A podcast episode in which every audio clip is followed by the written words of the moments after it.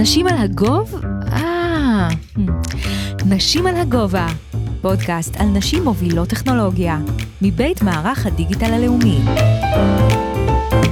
היי, אני יעל בראל, והאורחת שלי להיום היא תת-אלוף יעל גרוסמן, מפקדת לוטם, יחידת הדיגיטל והמידע של צה"ל, באגף התקשוב והגנה בסייבר. מיד נשמע מיעל על המתח שבין ההכרח לפרוץ טכנולוגית, לבין הצורך לשמור על הגנת המידע הביטחוני. עוד נדבר על כיצד לוטם נרתמה למאמץ המלחמתי, נוכח השביעי באוקטובר, וגם על תרבות של Customer Obsession ופיתוח אנשים טכנולוגיים באשר הם. בואו נתחיל. היי יעל. היי יעל. אז חייבת להודות שזו פעם ראשונה שאני מארחת uh, בפודקאסט אישה החולקת את שמי. וגם זו לי הפעם הראשונה שאני מארחת תת-אלוף. אז uh, תודה שאת מארחת אותנו כאן בקריה אצלך במשרד. תודה לכן. Um, אני אשמח אם uh, תציגי את עצמך בקצרה. אז uh, אמרת שקוראים לי יעל, אז בדרך כלל כשאני מציגה את עצמי, אני אומרת שקוראים לי יעל חיה גרוסקמן, uh, וחיה על שם סבתי זיכרונה לברכה. זה גם קצת מספר את הסיפור שמאחוריי, הגם שגם יעל זו חיה. מפקדת לוטם מזה שמונה חודשים, נשואה למיכאל, 24 שנים, עוד נחזור לזה, אימא לניקול ולרון, ובעצם מובילה את יחידת הדיגיטל במידע של צה"ל בגאווה ענקית. אז למי שלא מכיר את לוטם, החטיבה להתעצמות ותקשוב טכנולוגי, אני מדייקת. אז זה, זה מה שכתוב באינטרנט, לוטם היא יחידת הדיגיטל והמידע של צה"ל, ואם נלך אה, לשורשיה העמוקים אפילו יותר, 65 שנים אחורה, אז היא מושתתת בעיקר על יחידות ממר"ם, ובתפקידי הקודם גם הייתי מפקדת ממר"ם, אה, שזה בעצם אה, כל יחידות המידע והמחשוב הצה"לי, והיא אוחזת גם בהרבה מאוד יכולות הנדסיות, שזה שתיים מהיחידות שבעצם נמצאות אה, בתוך לוטם, שעוסקות בכל עולמות התקשורת, הנדסת המחשבים, תשתיות אה, פיזיות כאלו ואחרות, רדיו ועוד ועוד. אז אה, זה ככה, למי שלא מכיר, עוסקת בכינון המרחב הדיגיטלי, ובונה מעל הדבר הזה בעצם את הלוחמה מבוססת הרשת באמצעות מפעלי מידע מאוד משמעותיים בעולמות תוכן שונים. אז את בעצם מפקדת לוטם החל ממאי 2023, מה חנה על שולחן העבודה שלך שנכנסת לתפקיד? וואו, מה לא. אה, קודם כל, אה, היינו ערב אה, תר"ש, תוכנית רב-שנתית, ולמעשה רבות מהתוכניות הגדולות של צה"ל בעולמות הכינון הדיגיטלי חנו על שולחני. עולם תוכן נוסף, מערך התוכנה והמידע. מערך שבעצם אנחנו אמונים עליו מעצם היותנו האקדמיה ללימודי כל מקצועות המחשב, והצורך לפתח את זה בהתבוננות שהיא הרבה יותר קהילתית ורחבה, בצורה משמעותית, אני אומרת, בצה"ל, ואפילו מעבר לזה. ונוסף כמובן לתוכניות הללו, הרבה מאוד יכולות מעולמות הארגון הדיגיטלי, שבו עשינו טרנספורמציה אדירה בשנים האחרונות בהנגשה של יכולות לקצה, וכמובן בכל מה שנוגע לעולמות המידע, בהקשרי האש, בהקשרי הפוש, פיקוד ושליטה, בהקשרי ההגנה החכמה, אה, ועוד ועוד ועוד. אבל נוסף לכל הדברים האלה, יש עוד תוכנית ענקית שאנחנו עוסקים בה, שהיא תוכנית המעבר לבאר שבע, וגם בה בעצם עסקנו בצורה מאוד מאוד אינטנסיבית ערב אה, הכניסה שלי לתפקיד, וכמובן ממשיכים לעסוק בה גם בהתבוננות קדימה. אני מקפיצה אותנו לשביעי באוקטובר. היכן זה תופס אותך? שבעה באוקטובר זה יום הנישואים שלי. אה, היינו אמורים לציין 24 שנות נישואין. זה תופס אותי כנראה כמו מרבית אה, אזרחי מדינת ישראל, ולא רק אה, המשרתים בצבא הגנה לישראל. אה, מתעוררת עם האזעקה.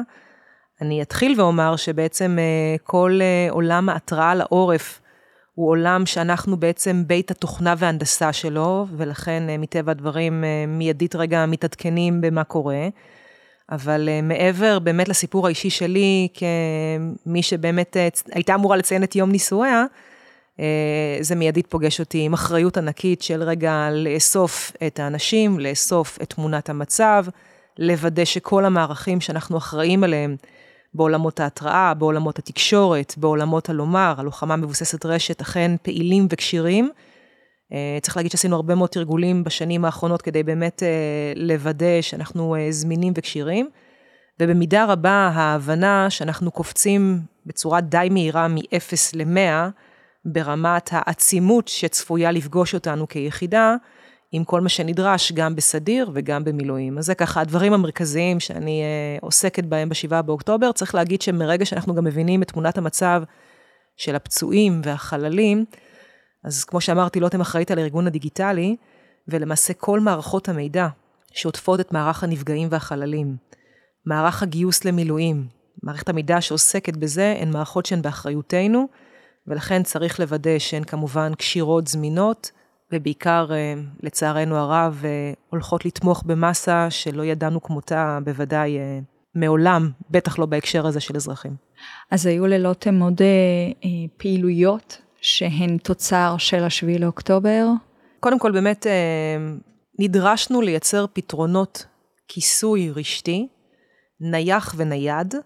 נייד זה בעיקר סלולרי, אבל לא רק, יש דברים שאני פחות יכולה להרחיב עליהם במדיה הזו.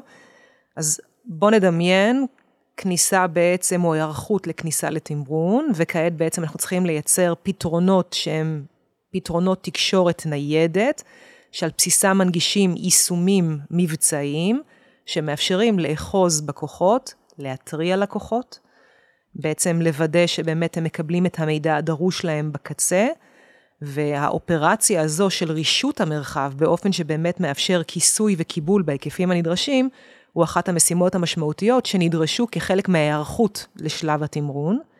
כמובן, לצד אה, כיסוי משמעותי של כל מה שנייח ובעצם תומך מפקדות כאלו ואחרות. ואני אגיד שככל שיש חיכוך, אז מטבע הדברים, נדרשנו להאיץ הרבה מאוד יכולות שבנינו אותן כ baseline, ולמעשה מעליהן אפשרנו עוד שכבות רבות של מידע שמאפשר לנו בעצם להעשיר את תהליכי קבלת ההחלטות. לדוגמה, מפית, אחת ה... אחד היישומים המפורסמים אה, אה, שבעצם היחידה מיישמת, אז מפית זו בעצם פלטפורמה מפתית, ומעצם ההנגשה והחיבוריות, שהיא חלק מהאינטרנט המבצעי שגם הוא באחריותנו, הצלחנו להנגיש שכבות מידע רבות נוספות, אה, שעוסקות בתמונת מצב של מבנים בעבודה משותפת, נניח עם פיקוד העורף, בכדי באמת לייצר פלטפורמה שאנחנו גם רואים אותה וגם מבססים עליה תהליכי קבלת החלטות ואפיון אופן הפעולה קדימה, ואת הדברים הרבים הנגשנו בעצם גם בכף היד בצורות כאלו ואחרות. אז זה ככה כדוגמה לאיזשהו מיקרו-קוסמוס שלוקח באמת את כל אה, עולמות התוכן שהיחידה עוסקת בהם, מרמת התשתיות, התקשורת, עבור במפעלי המידע, ובאמת, מעל הדבר הזה, להשאיר את היכולות של המפקדים ומקבלי ההחלטות בשטח ובמפקדות. אז אני מצטטת אותך, שאת אומרת, אה, רק היכולות הטכנולוגיות תאפשרנה לצה"ל לשמור על היתרון היחסי של מעטים מול רבים. אז איך בעצם מגשרים על המתח, והתחלת לדבר על זה, שבין ההכרח לפרוץ קדימה טכנולוגית ולהטמיע טכנולוגיות כמו AI, ענן, אל מול הצורך להגן על עצמך ביטחונית. אני לא חושבת שיש סתירה בין הדברים, אני חושבת שהם באים אה, בכפיפה אחת. אה, טכנולוגיה בעיניי היא כמו יצירה. היא כמו אמנות ואני לא אמנית.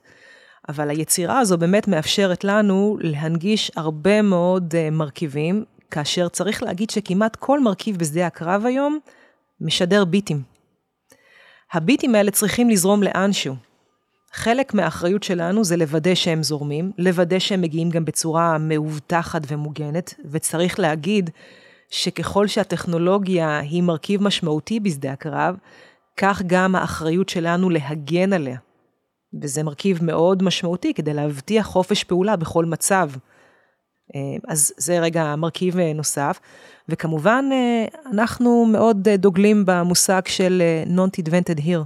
זאת אומרת, מה שאפשר לאמץ מהעולם האזרחי, לאמץ, מה שמחייב ידע יהודי, ממש לקחת, לדייק אותו, אל מול עולמות התוכן, שאחרי שנים רבות של ניסיון אנחנו ממש מבינים בהם. זה יכול להיות בעולמות האש, זה יכול להיות בעולמות הפיקוד והשליטה, זה יכול להיות בעולמות הרדיו over IP, כי בעולם האזרחי פחות עוסקים ברדיו מן הסתם, אז היכולת של להנגיש over IP ולחבר את זה לתהליכים בצה"ל. זה יכול להיות אפילו להבין שיש אה, מפעלים שונים של מידע בעולמות הטקסט, השמע, הווידאו, ומאחר שאנחנו מחזיקים גם את פלטפורמות הענן העשירות מאוד גם ב-GPUים, אנחנו יכולים בעצם לבנות על הדבר הזה כלים מתוחכמים יותר, שבעצם עושים את התהליכים של המולטי מודליטי. זאת אומרת, כל המודלים השונים על גבי פלטפורמה אחת. אז טכנולוגיה במובן הזה, אחד, היא הכרח, כי היא באמת מאפשרת להתך הרבה מאוד תהליכים שהאדם באופן עצמאי כנראה פחות יכול לעשות. ולצד הדבר הזה צריך כמובן לוודא שהיא לא פותחת אותנו למתקפות כאלו ואחרות, ואנחנו גם דואגים להגן על הנכסים שלנו במרחב הזה. וטכנולוגיה במידה רבה גם יכולה כמובן להאיץ דברים, כשאני חושבת למשל על דברים שהאצנו במובן של הסקלביליות שלהם, בתוך פרק זמן מאוד קצר מרגע שהתחילה המלחמה, אז כשיש לך ענן וכשהרשת היא מאוד רובסטית ואנשים מיומנים, יש פה תהליכים שאפשר להאיץ לעתים בשעות ובימים, עם טובי המוחות כמובן, אה, על פני דברים שאחרת היה לוקח הרבה מאוד זמן לבנות, לולא הטכנולוגיה. מי שקורא את דף הבית בלוטם, אה, לומד שאת מאמינה ומנחילה תרבות מוצרית המקדמת רציונל של Customer Obsessed. מה זה בעצם אומר? אז קודם כל זה קצת לקוח uh, מהתרבות uh, של חברת מייקרוסופט, כדי שלא ניקח uh, זכויות יוצרים uh, על משהו שמישהו אחר, על בסיס ה-not invented here, הגה. Customer Obsession בגדול אומר, אנחנו רוצים לספק את הפתרון שמותאם לקצה בצורה המיטבית. וזה מחזיר אותי שוב לסיפור היצירה. היום מרבית היכולות הטכנולוגיות מבוססות על תוכנה. זה בעצם software defined. וככל שזה המצב, זה כמו הביטים, זה כמו מכחול ביד האמן, או ככה באנלוגיה רלוונטית, אה, ככל שבעצם אנחנו יודעים לדייק מה צריך בקצה, והפלטפורמה מאפשרת לנו לייצר פיתוח מאוד מאוד מהיר ופשוט יחסית, אז הסיפור הזה של עיצוב היכולות בתפיסה מוצרית, שמסתכלת על הקצוות שלנו ומדייקת כדי שבאמת האפקט ישרת את הקצה, זה סיפור מאוד מאוד משמעותי באופן שבו אנחנו בונים בעצם את הכוח אצלנו, והתוכנה, הקוד, מאפשרים לנו במידה רבה לעשות את זה בצורה טובה. אז איך אנחנו מבטיחים מענים אה, דיגיטליים לצרכים מבצעיים? אז קודם כל יש אה, תהליך אה, מאוד מאוד סדור שבו יושבים עם המשתמשים המבצעיים, שזו אנלוגיה כמובן ללקוחות, ובאמצעותם מאפיינים בצורה חדה יותר מה הם רוצים, מה הם צריכים, ונמצאים יחד איתם גם בשלבי ההטמעה של היכולות. זאת אומרת, יכול להיות שהם אמרו משהו, הגענו לשלב ההטמעה, ומסתבר שבעצם זה משרת תכלית שהיא מעט שונה ממה שהתכוונו אליה, וככל שאנחנו נמצאים יחד איתם, אנחנו יודעים לדייק ממש on the spot, מהי אותה תצורה מדויקת שמאפשרת להם את השימושיות הדרושה. עכשיו צריך להגיד שלפעמים גם שימושיות משתנה. זה כמו שבמהלך אה, מלחמה נמצאים בשלבים שונים. בשלב הראשון זה רגע שלב המעמל, מעבר משגרה לחירום, השלב השני הוא שלב של התקפה, ויש כאן רגע ממש אפיזודות שונות. כך גם היכולות שאנחנו מנגישים לקצה, וככל שבעצם הן יושבות פעם אחת על אבני בניין הנדסיות מאוד רובסטיות, שמאפשרות לנו את הסקייל ואת ההשתנות, ופעם שנייה באמת על הרבה קוד, אז ההשתנות הזו היא יחסית יותר פשוטה וגם מותאמת, וככל שאנחנו חיים את הצרכים של השטח, זה מאפשר לנו באמת להיות, אה, לשמור על רלוונטיות ועל דיוק. ואני אגיד עוד דבר, כי לא שאלת, אבל אני אוסיף עוד איזשהו מוצר שאנחנו מאוד מאוד גאים בו, עוד איזושהי יכולת, הצ'אט המבצעי. הצ'אט המבצעי, כמו, כשמו כן הוא, כמו וואטסאפ כזה לצורך העניין. אה, פלטפורמה שבראשית הדרך, אפרופו ההתחלה של הענן המבצעי, תכליתה המרכזית הייתה לאפשר בעצם תקשורת אה, עם קוד ותמונות ומה שצריך בין המפתחים. לייצר סביבת פיתוח למפתחים בענן המבצעי, שיש בה ערכים מוספים, כי זה חלק בעצם מהרצון לרתום את אותם מפתחים להתחיל לפתח בענן המבצעי. אלא שהיום, הצ'אט המבצעי היא אולי הפלטפורמה המרכזית לניהול תהליכים לא מובנים, זאת אומרת שאין בהכרח אפליקציה ספציפית שממש מייצרת תהליך שלם, והרבה פעמים אנחנו למדים על תהליכים מובנים שצריכים להיבנות, כי ראינו שרגע נוצרה פה איזושהי קבוצה, והיא רגע מספרת איזשהו סיפור, למשל של אה, טיפול כל מיני מורכבויות שיש לנו סביב רחפנים. או מול נקודה שקשורה בעצם בתהליכי ניהול ושליטה.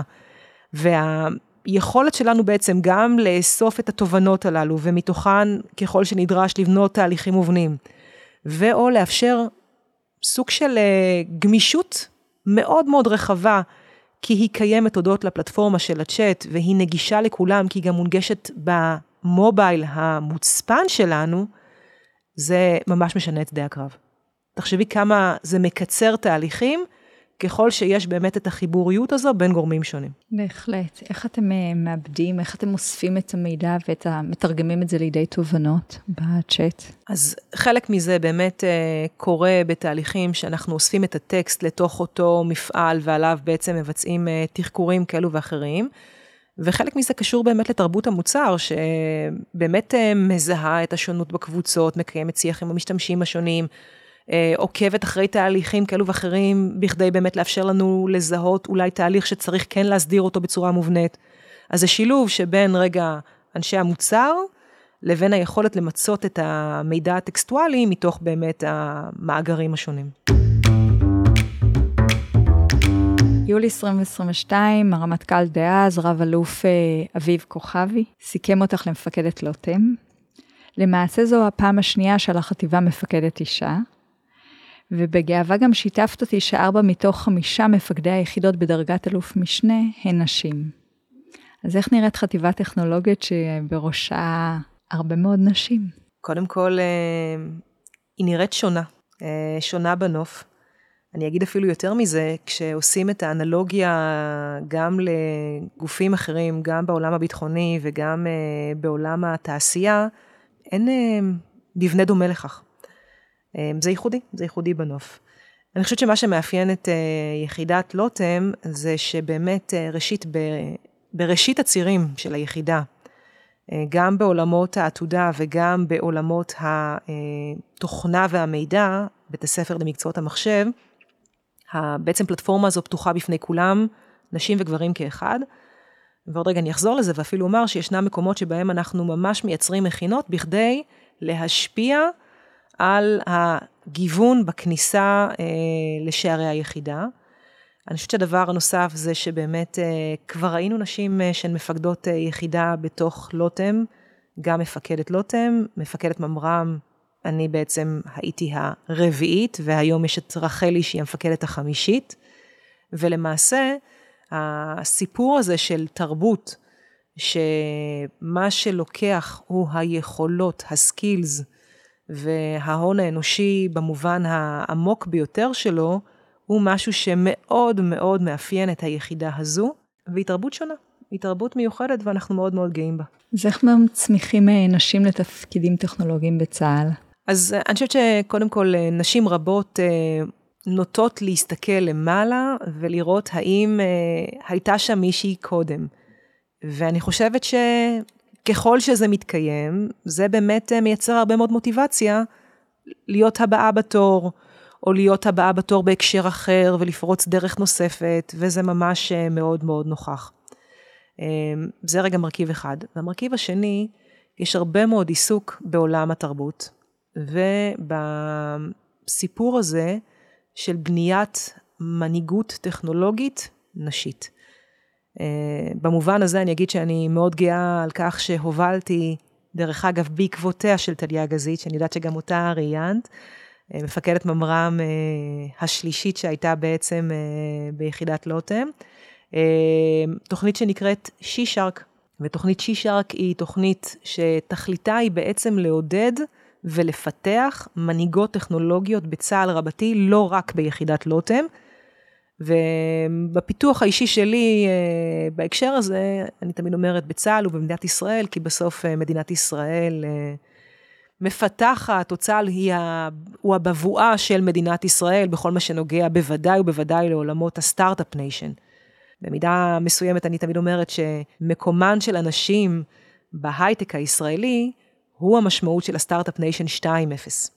במקום לחפש אה, אה, כל מיני עובדים אה, ממקומות שונים בעולם, נראה לי שהביטוי והייצוג של נשים בתעשיית ההייטק מקומה הוא המקום שאליו נכון להתפתח, ובעיניי ליחידה שלי וליחידות טכנולוגיות נוספות בצה"ל, יש מרכיב מאוד משמעותי בפיתוח אותן מנהיגות שהתבס... שבעצם יבנו את עצמן בתוך המרחב הלאומי הרחב יותר.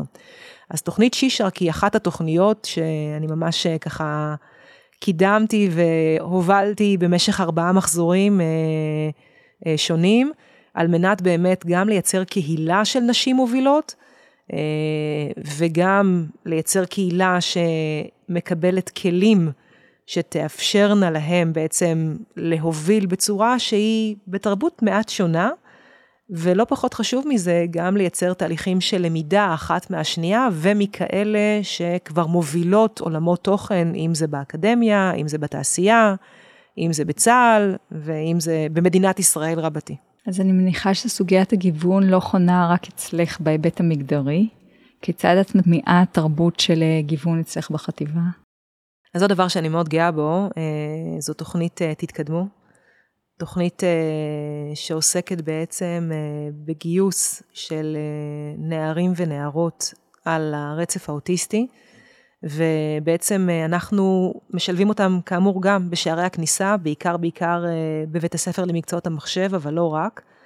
ואולי הדבר שאני הכי גאה בו זה שממש ערב לצערי, השבעה באוקטובר אה, היה אמור להסתיים אה, אה, בעצם הכשרת הקצינים, ההשלמה הטכנולוגית של המסלול דאז. במסגרת אותה השלמה סיימו שני קצינים שהם בוגרי מסלול תתקדמו. אחד מהם היה גם מצטיין בבה"ד 1, מצטיין פלוגתי, ויש לנו שני קצינים ראשונים במערך הטכנולוגי שהם בעצם בוגרי התוכנית. והם מדהימים. ואני חושבת שהסיפור הזה שטכנולוגיה והובלה טכנולוגית היא של כולן וכולם באשר הם, ושהרבה פעמים צריך לתת את ההזדמנות והרצון, בסוף אה, מביא את האנשים באמת למקומות שאליהם הם שואפים להגיע, מתוך רצון לשנות ולהשפיע, מאוד מאוד נוכח בהוויה שלנו כארגון ובתרבות של הארגון הזה.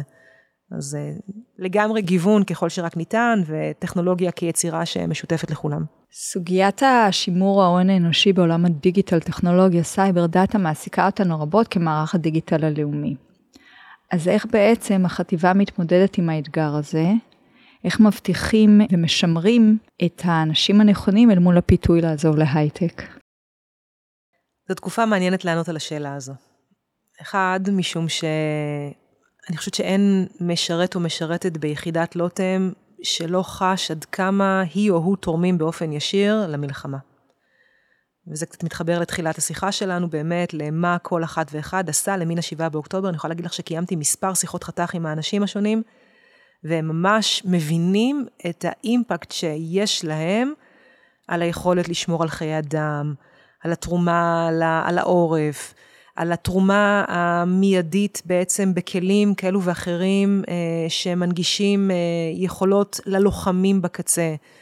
ואני חושבת שהסיפור של הערך, שהוא משהו שאולי קצת דהה לנו לפני השבעה באוקטובר, מאוד התחדד בעקבות השבעה באוקטובר. אנחנו תמיד כשאנחנו מסכמים איזשהו פורום למידה, ואנחנו מקיימים לא מעט כאלה בשגרה וכמובן גם בחירום, תמיד מדברים על זה שזו המשמרת שלנו, ואנחנו מעודדים עוד משפט שאומר, מי שלא עושה לא טועה, שזה אומר שיכולות להיות טעויות, אבל מי שלא עושה גם לא מצליח, זאת אומרת יוזמה.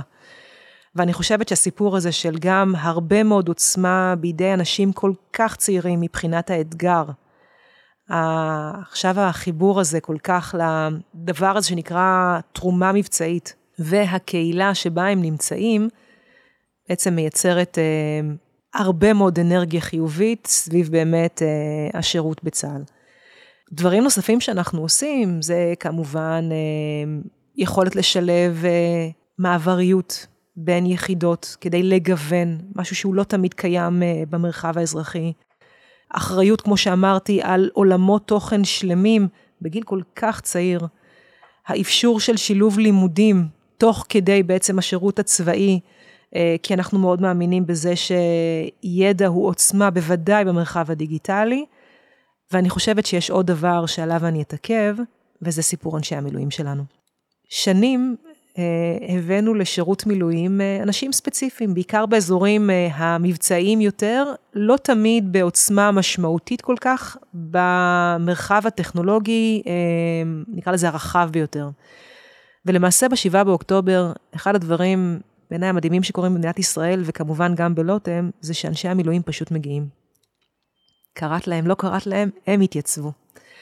והם מגיעים עם ידע אדיר מהתעשייה ומהאקדמיה, ויש להם גם את החוסן האישי שלהם כמובן אחרי אה, שנים אה, רבות יותר מרוב המשרתים.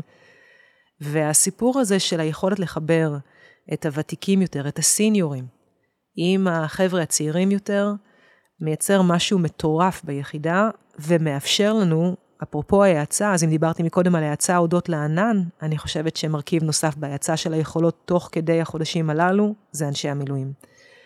ואחד הדברים שאנחנו עושים כעת, זה בעצם בונים uh, את היחידה השביעית, בלשון השביעית בתוך היחידה, בתוך לוטם. Uh, בראשה אנחנו מכוונים uh, לשים את יו"ר עמותת בוגרי ממר"ם, מר יוסי מלמד, שממש לא מזמן קיבל את דרגות הסגן אלוף במילואים.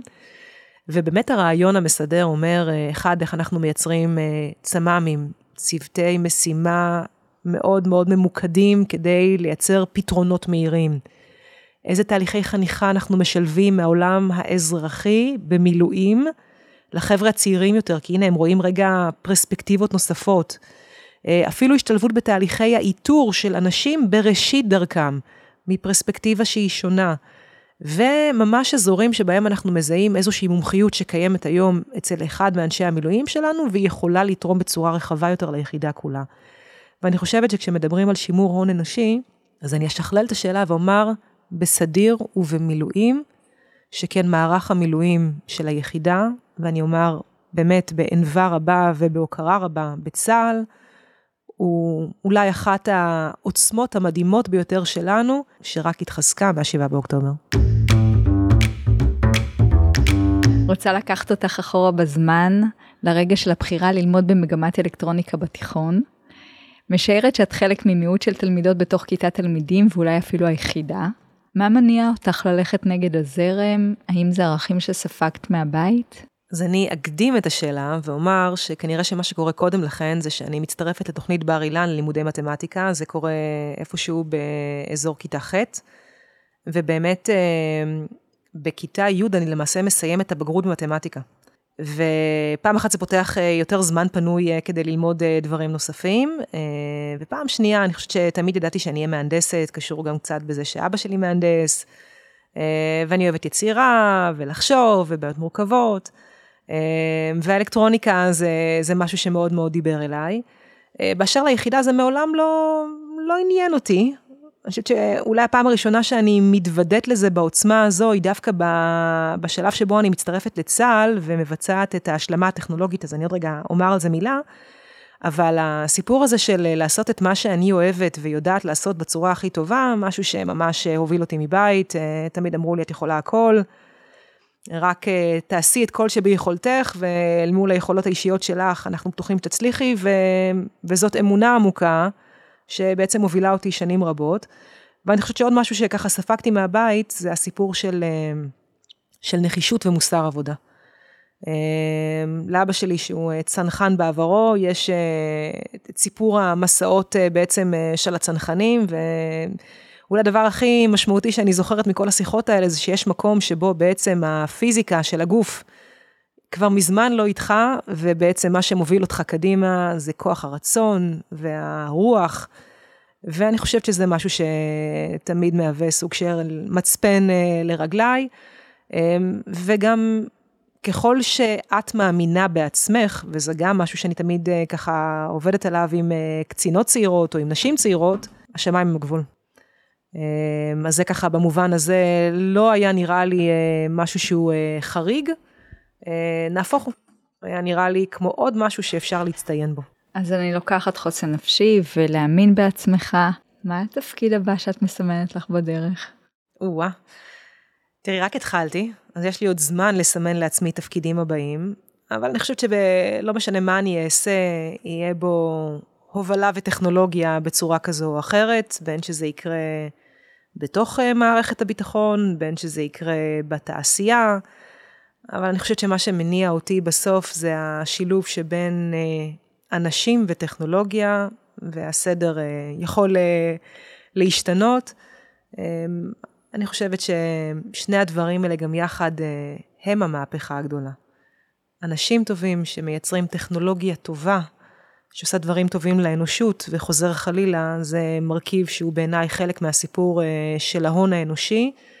ובדרך כלל אני אומרת שלמדינת ישראל אולי יש קצת גז, אבל באמת באמת הסיפור הגדול של מדינת ישראל זה האנשים שיש במדינת ישראל.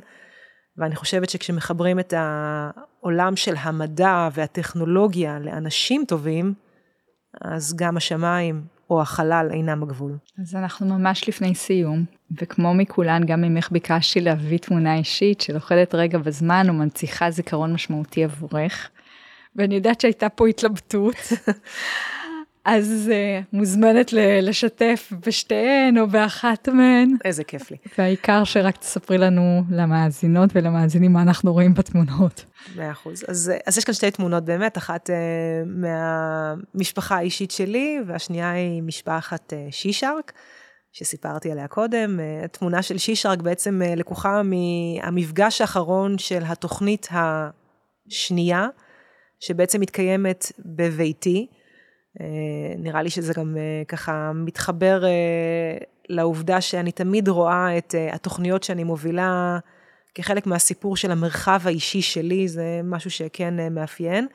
ואנחנו רואים ככה בסלון שילוב שבין קצינות צעירות מכל צה"ל, שאת חלקן אנחנו היום פוגשים כבר בתפקידי רמ"דיות בדרגת הרב סרן, קצינות בכירות יותר, שגם הן התקדמו הלאה, חלקן הן חלק מהעלמיות שמשרתות היום ביחידת לוטם.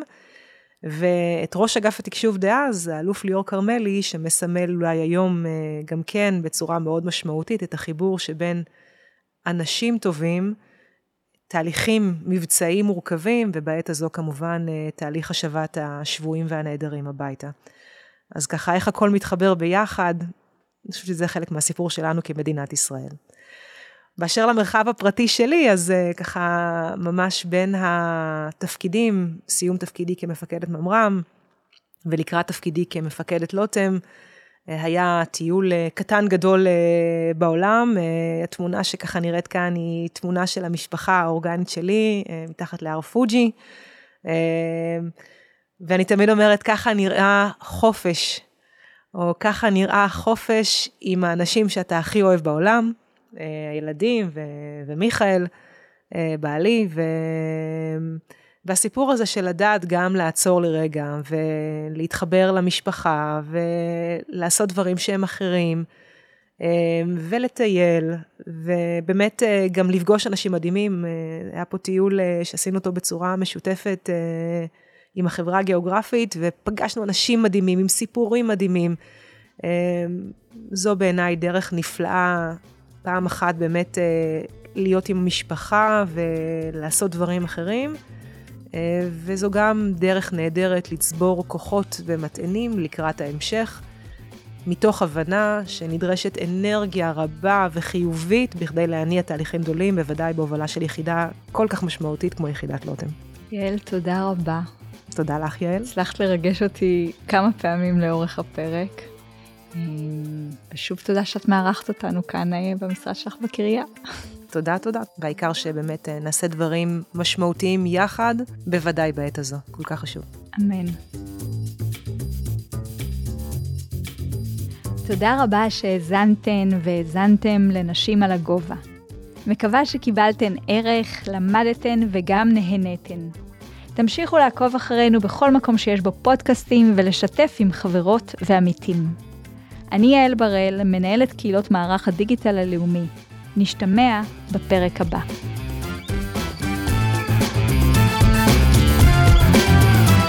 נשים על הגובה, פודקאסט על נשים מובילות טכנולוגיה, מבית מערך הדיגיטל הלאומי.